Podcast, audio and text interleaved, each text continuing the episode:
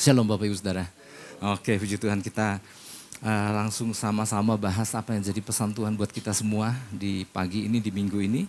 Pesan Tuhannya adalah gini, ingatlah akan Tuhan, perkataannya, dan perbuatan-perbuatannya di masa lalu. Wow. Ingatlah akan Tuhan, perkataannya, dan perbuatan-perbuatannya di masa lalu. Saya mau ajak kita buka Mazmur 143. 143 ayat yang kelima. Satu Mazmur yang ditulis sama Daud, hanya 12 ayat, tapi saya mau bacakan ayat yang kelima. Nanti saya akan jelaskan uh, ringkasan tentang apa yang ada di dalam Mazmur 143 ini. Mari kita baca sama-sama satu ayat yang sudah terpampang ini, satu, dua, tiga. Aku teringat kepada hari-hari dahulu kala, aku merenungkan segala pekerjaanmu, Aku memikirkan perbuatan tanganmu. Wow. Nah Bapak Ibu Saudara, kalau kita lihat judul perikopnya daripada Mazmur 143 ini adalah doa minta pertolongan. Tapi nggak cuma sekedar minta pertolongan dan pengajaran. Lewat satu perikop ini kita akan belajar sesuatu. Ya, Latar belakang daripada Mazmur ini adalah doa pribadi yang dinaikkan, yang dinyanyikan. Karena ini Mazmur yang dinyanyikan Daud kepada Tuhan dalam situasi yang situasi yang gak mudah yang dia alami, yang dia hadapi. Daud ada dalam suatu situasi sulit atau krisis, suatu krisis tertentu dalam hidupnya. Ya, meskipun di Mazmur 143 ini nggak dispesifikasi tentang apa sih yang sedang dialami.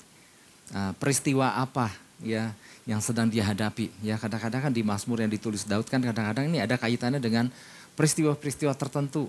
Waktu dikejar oleh anaknya Absalom misalnya. Tetapi yang Mazmur 143 ini enggak disebutkan persis ini lagi menghadapi apa gitu. Tetapi yang pasti ini bukan perkara yang mudah yang dihadapi oleh Daud ya. Mazmur ini menceritakan satu situasi hidup Daud di mana ia sedang merasa terancam. Ya, ada aniaya, ancaman aniaya, ya atau ada dalam sebuah kesusahan yang gak mudah. Dan Daud berseru memohon kepada Tuhan untuk dengar mendengarkan doanya ya. Dia berseru sama Tuhan untuk memperhatikan permohonannya. Dan dia berseru sama Tuhan supaya Tuhan jawab apa yang dia minta kepada Tuhan ya. Jadi banyak hal yang Daud rindukan dari Tuhan. Pertolongannya petunjuknya ya kekuatannya ya waktu dia menghadapi suatu situasi yang gak mudah ini dia mengharapkan akan hadirnya Tuhan, pertolongan Tuhan atas apa yang dia alami. Ya.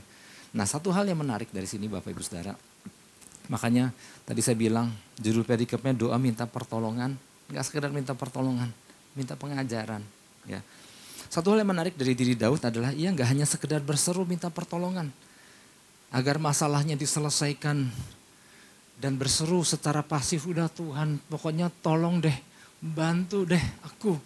Ya yang aku rindukan adalah jawaban secepatnya. Ya Tuhan gitu ya. Umumnya kan orang berseru sama Tuhan kan minta pertolongan yang seperti itu ya. Nggak salah namanya juga ada di dalam sesuatu kesesakan. Tetapi yang luar biasa yang kita mau belajar dari Daud adalah gini tapi juga dia di saat ketika dia membutuhkan pertolongan, membutuhkan jawaban dari Tuhan, dia nggak berseru secara pasif.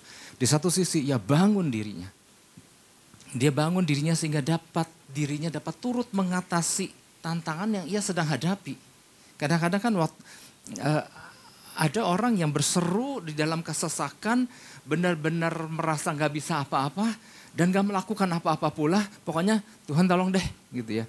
Tapi dari kisah ini Daud berseru sama Tuhan, tapi Daud juga bangun dirinya. Ya, Tuhan sekiranya ada yang engkau mau aku lakukan. Wow, ini luar biasa.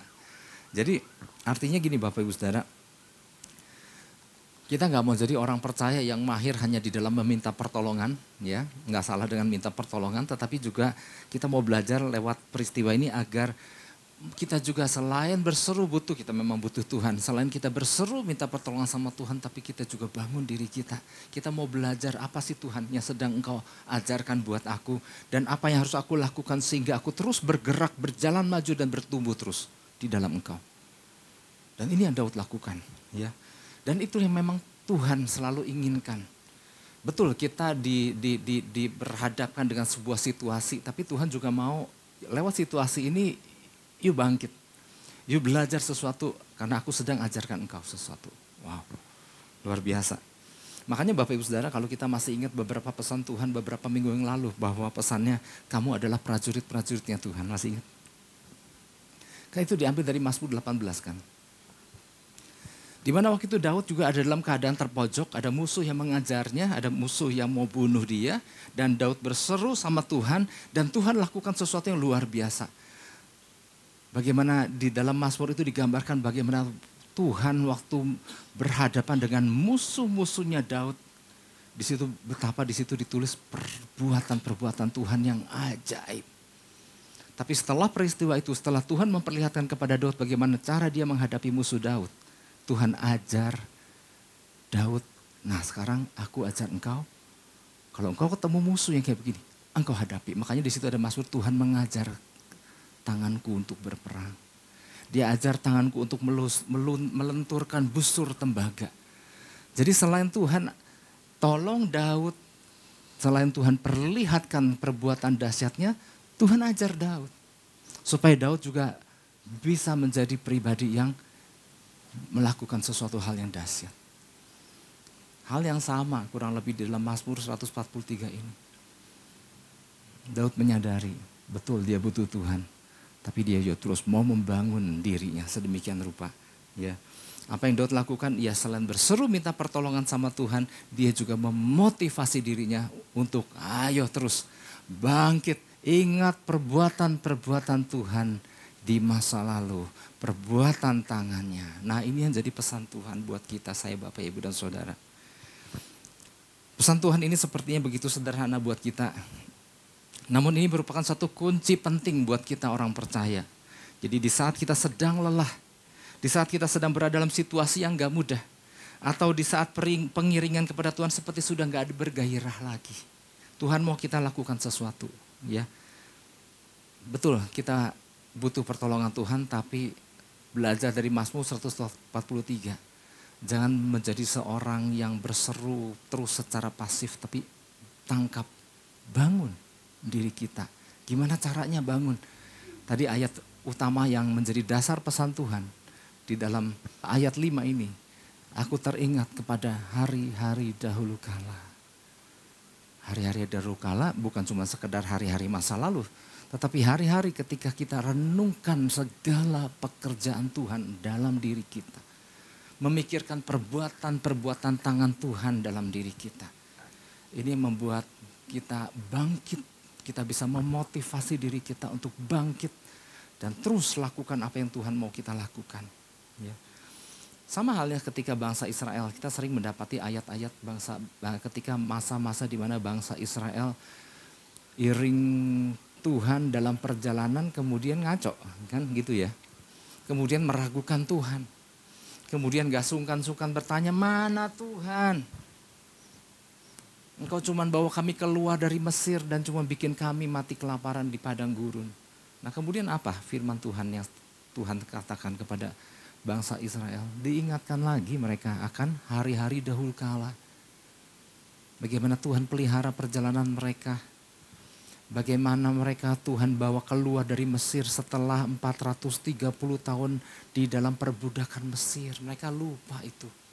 Bagaimana Tuhan mengutus Musa dan kemudian bagaimana Tuhan mendemonstrasikan kuasanya lewat Musa melalui sepuluh tulah. Itu dahsyat. Makanya kadang-kadang bangsa Israel di saat keadaannya seperti uh, meragukan Tuhan, Tuhan ingatkan lagi.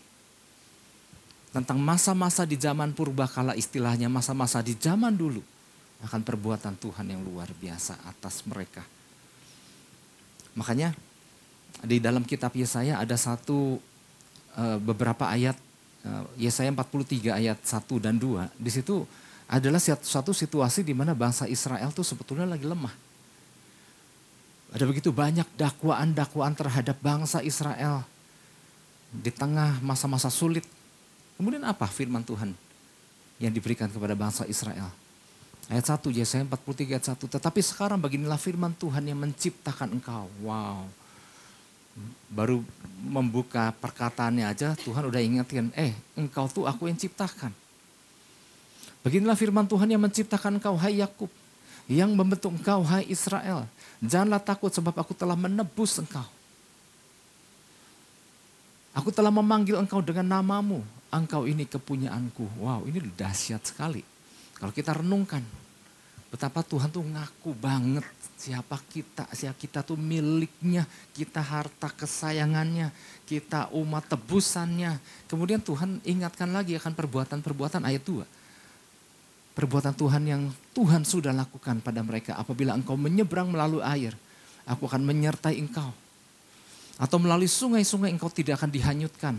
Apabila engkau berjalan melalui api, engkau tidak akan dihanguskan. Dan nyala api tidak akan membakar engkau.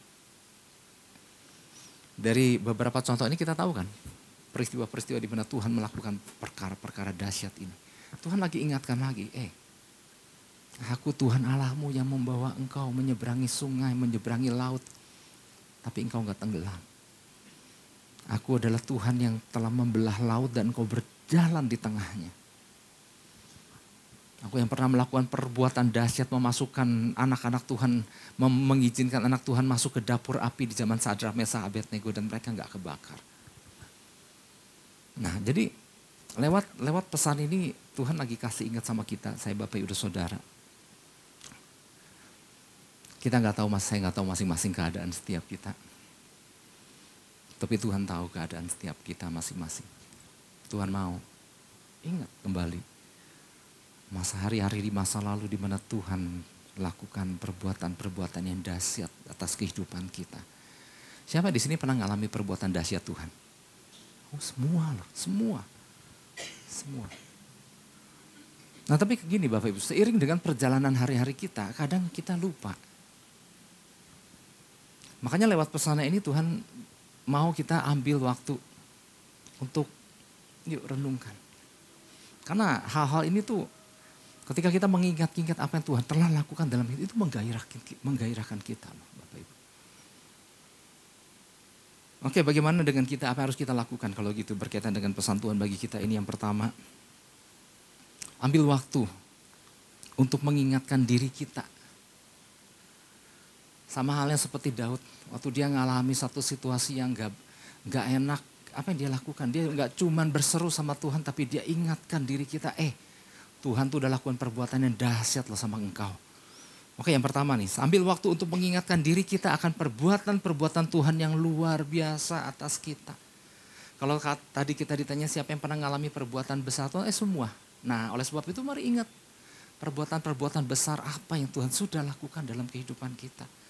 Yang pasti setiap kita ketika kita saat ini di dalam Kristus ada perbuatan dahsyat yang setiap kita pasti ngalami itu ditebus. Katakan amin. Wow itu dahsyat. Nggak ada yang bisa tebus selain Kristus. Nggak ada yang bisa menyelamatkan kita umat manusia selain Yesus Kristus. Dia Allah yang turun ke dunia mati di kayu salib. Menanggung dosa dan menjadikan kita kembali ciptaannya yang baru. Wow dahsyat banget. Itu satu hal yang dahsyat itu tonggak penting dalam kehidupan kita. Tetapi kemudian kan gini, hari-hari kita mengiring Tuhan kan pasti banyak perkara-perkara luar biasa yang Tuhan udah lakukan. Nah lewat pesan ini Tuhan mau yuk ingat-ingat. Sama seperti di Mazmur 45, 143 ayat 5 tadi kan. Daud, aku teringat kepada hari-hari dahulu kala. Aku merenungkan segala pekerjaanmu. Aku memikirkan perbuatan tanganmu. Ya, Apabila kita menempatkan diri kita pada posisi Daud nih Bapak Ibu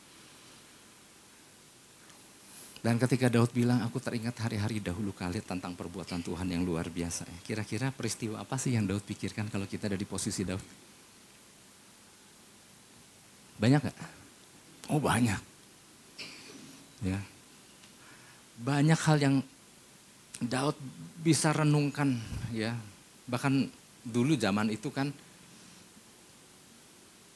orang per orang hanya menyadari tentang kisahnya sama Tuhan secara pribadi. Tapi hari ini kita bukan hanya Daud, banyak tokoh-tokoh yang luar biasa semua udah terangkum di Alkitab ini. Makanya waktu kita baca Alkitab, kalau baca Alkitab, mestinya baca Alkitab. Kalau kita baca Alkitab hari lepas hari, kita lagi membiarkan diri kita menyaksikan bagaimana perbuatan Tuhan atas banyak tokoh-tokoh di Alkitab yang dahsyat ini. Seharusnya gini, Orang yang baca Alkitab mestinya nggak jadi lemah. Katakan amin. Kenapa? Tiap hari menyaksikan perbuatan Tuhan yang ajaib atas tokoh-tokoh ini. Oke, kembali kepada Daud. Kira-kira apa yang Daud renungkan hari-hari masa lalu tentang perbuatan Tuhan yang ajaib? Banyak ya, kira-kira apa? Misalnya peristiwa ketika Daud lawan Goliat. Betapa Bapak Ibu Saudara, Tuhan yang yang Daud sembah, Tuhan yang Daud gantungkan hidupnya sama Tuhan. Tuhan yang hukum-hukumnya Daud taati. Telah begitu nyata membela diri dia pada waktu dia berhadapan dengan Goliat. Ini kan benar-benar sebuah peristiwa yang gak seimbang kan. Bayangkan di saat Daud mengalami hari ini, kalau dia mikir ke belakang tentang hari-hari waktu dia masih remaja.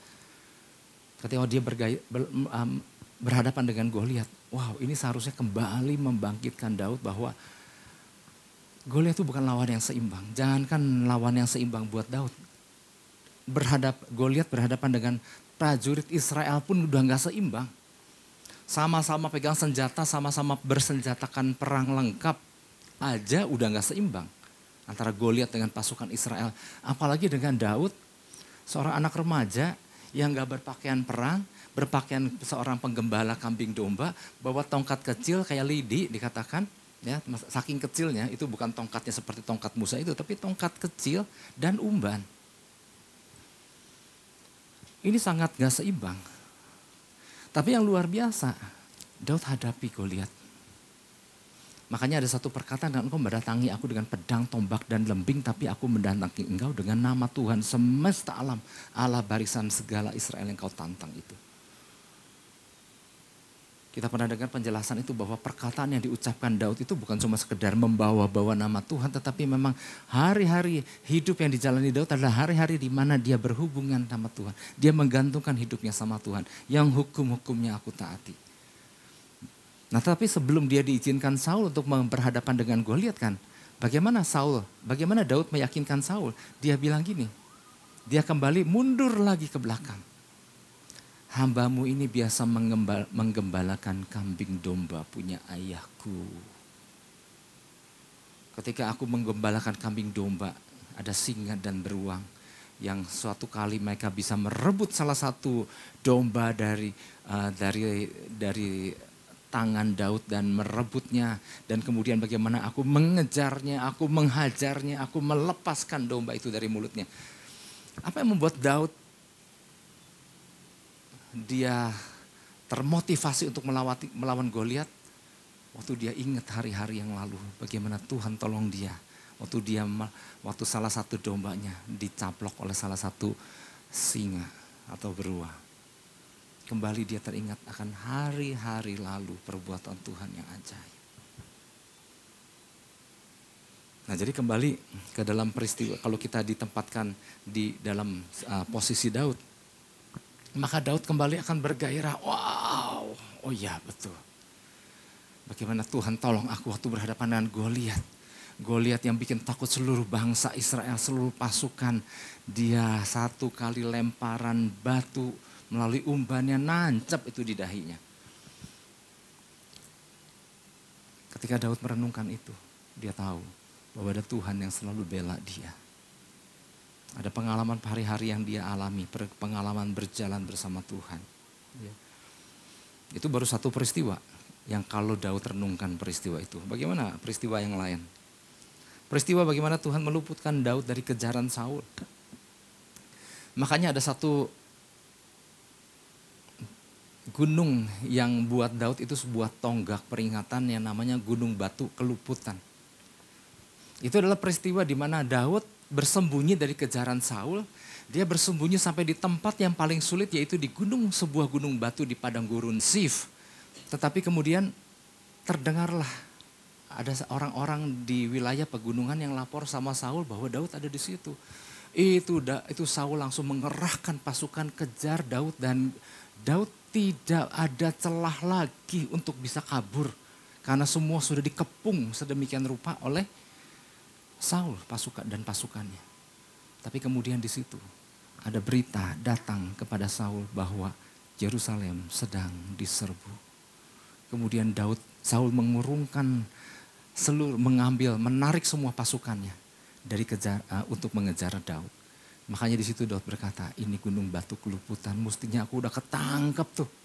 Mestinya udah gak ada celah bisa lari lagi ke mana.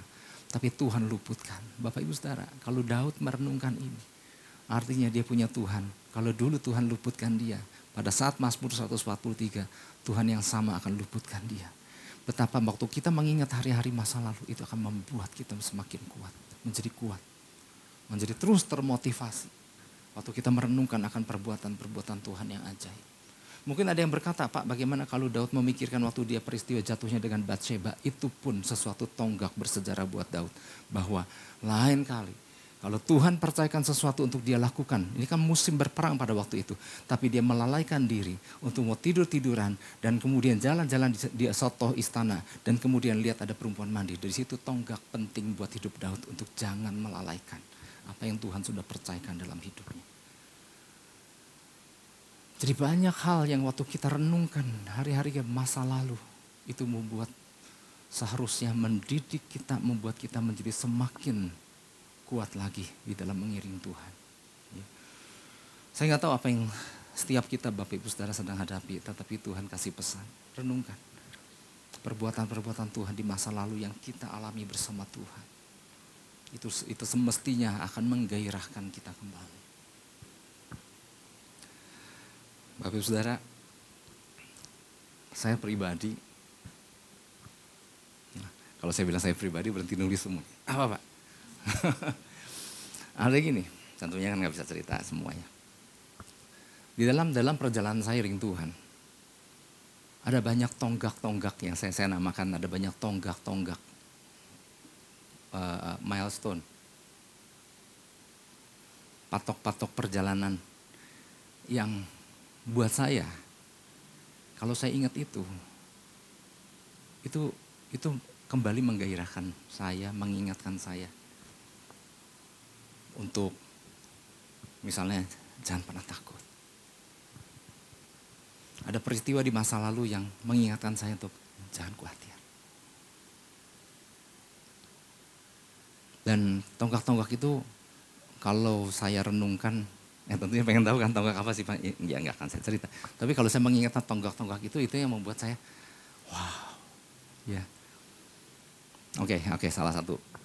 Ketika awal di rumah doa, ketika baru berkumpul, sekitar tujuh orang. Dan kemudian datanglah perintah, jadikanlah tempat ini sebagai rumah doaku, kata Tuhan. Bagaimana kita saling bertanya-tanya gimana bikin rumah doa? Apa seperti seperti apa sih rumah doa gitu ya? Ya udah cuman cuman ngerti doanya ya udah kita doa aja tiap hari. Itulah awal mula cikal bakal uh, kita disebut rumah doa dan apa yang kami lakukan berdoa aja sampai Tuhan nyatakan sesuatu kan ya. tentang bagaimana desain panggungnya seperti apa baru tuh kita 6-7 orang Waktu Tuhan nyatakan desain panggung, kita udah bikin loh. Kami udah bikin waktu itu. Dan terus udah bikin gimana Pak? Gak tahu langkah selanjutnya apa. Tapi satu hal Tuhan waktu itu bilang, aku akan mencukupkan seluruh kebutuhanmu. Dan saya ingat bagaimana hari-hari gimana gimana caranya Tuhan mencukupkan kebutuhannya. Lalu per, pernah suatu kali Tuhan memperlihatkan seperangkat alat musik. Meskipun gak ada yang main, karena waktu itu kan masih berenam tujuh orang. Kami melengkapi itu dengan alat musik, kemudian dari mana uangnya? Tuh, hanya pegang janji Tuhan, aku akan mencukupkan kebutuhanmu. Di situ kan kami mencernanya gimana ya? Oh udah pakai uang saya dulu deh gitu ya. Eh suatu hari datanglah orang dan kemudian memberikan satu lembar cek, kemudian dia isi, berikan begitu aja. Itu satu hal. Lewat peristiwa itu, saya saya menjadi buat saya buat sebuah tonggak di mana Tuhan berkata, aku akan mencukupkan seluruh kebutuhanmu. Kemudian waktu awal-awal menyekolahkan anak, peristiwa yang orang jualan steak gitu ya, boleh jualan steak, jualan daging. Ini saya pernah pernah saksikan. Enggak ada lagi lari pagi, nggak ada niat untuk beli daging, tapi orang itu bilang gimana kalau ini, gimana kalau tambah lagi, tambah daging, tambah lagi, tambah lagi, tambah lagi dengan harga yang sama dan itu cukup untuk satu tahun. Dan di situ Tuhan lagi bicara sesuatu.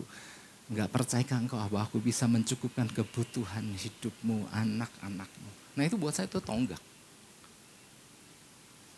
Nah ketika lihat ke belakang hari-hari itu, betapa saya begitu dikuatkan kembali bahwa oh ya Tuhan pelihara secara luar biasa. Nah artinya gini Bapak Ibu Saudara, yang saya ceritakan sekedar contoh kan, hanya salah satu contoh. Nah pastinya di dalam hidup Bapak Ibu Saudara pasti mestinya ada tonggak-tonggak penting. Itu kan baru satu contoh tentang pemeliharaan.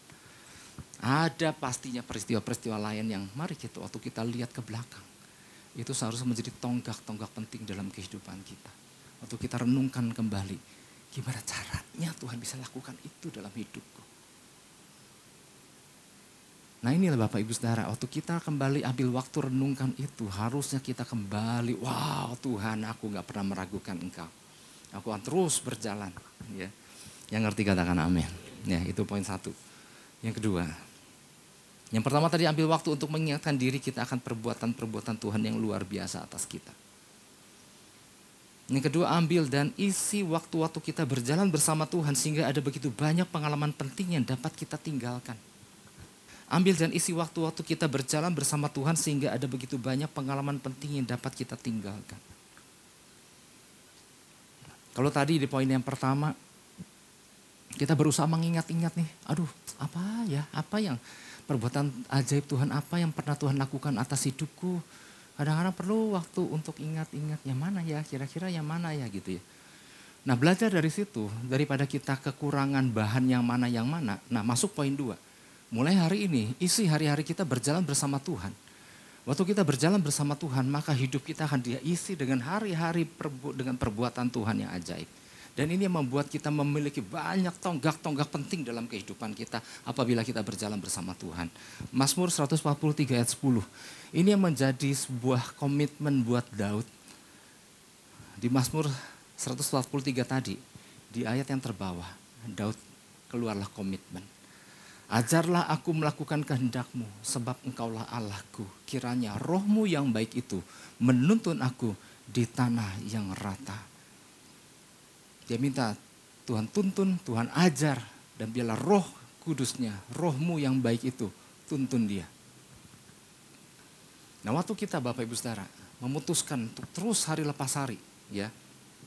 Kadang-kadang kan ada orang percaya hari ini berjalan bersama Tuhan, nanti kapan waktu ah berjalan sendiri ah gitu.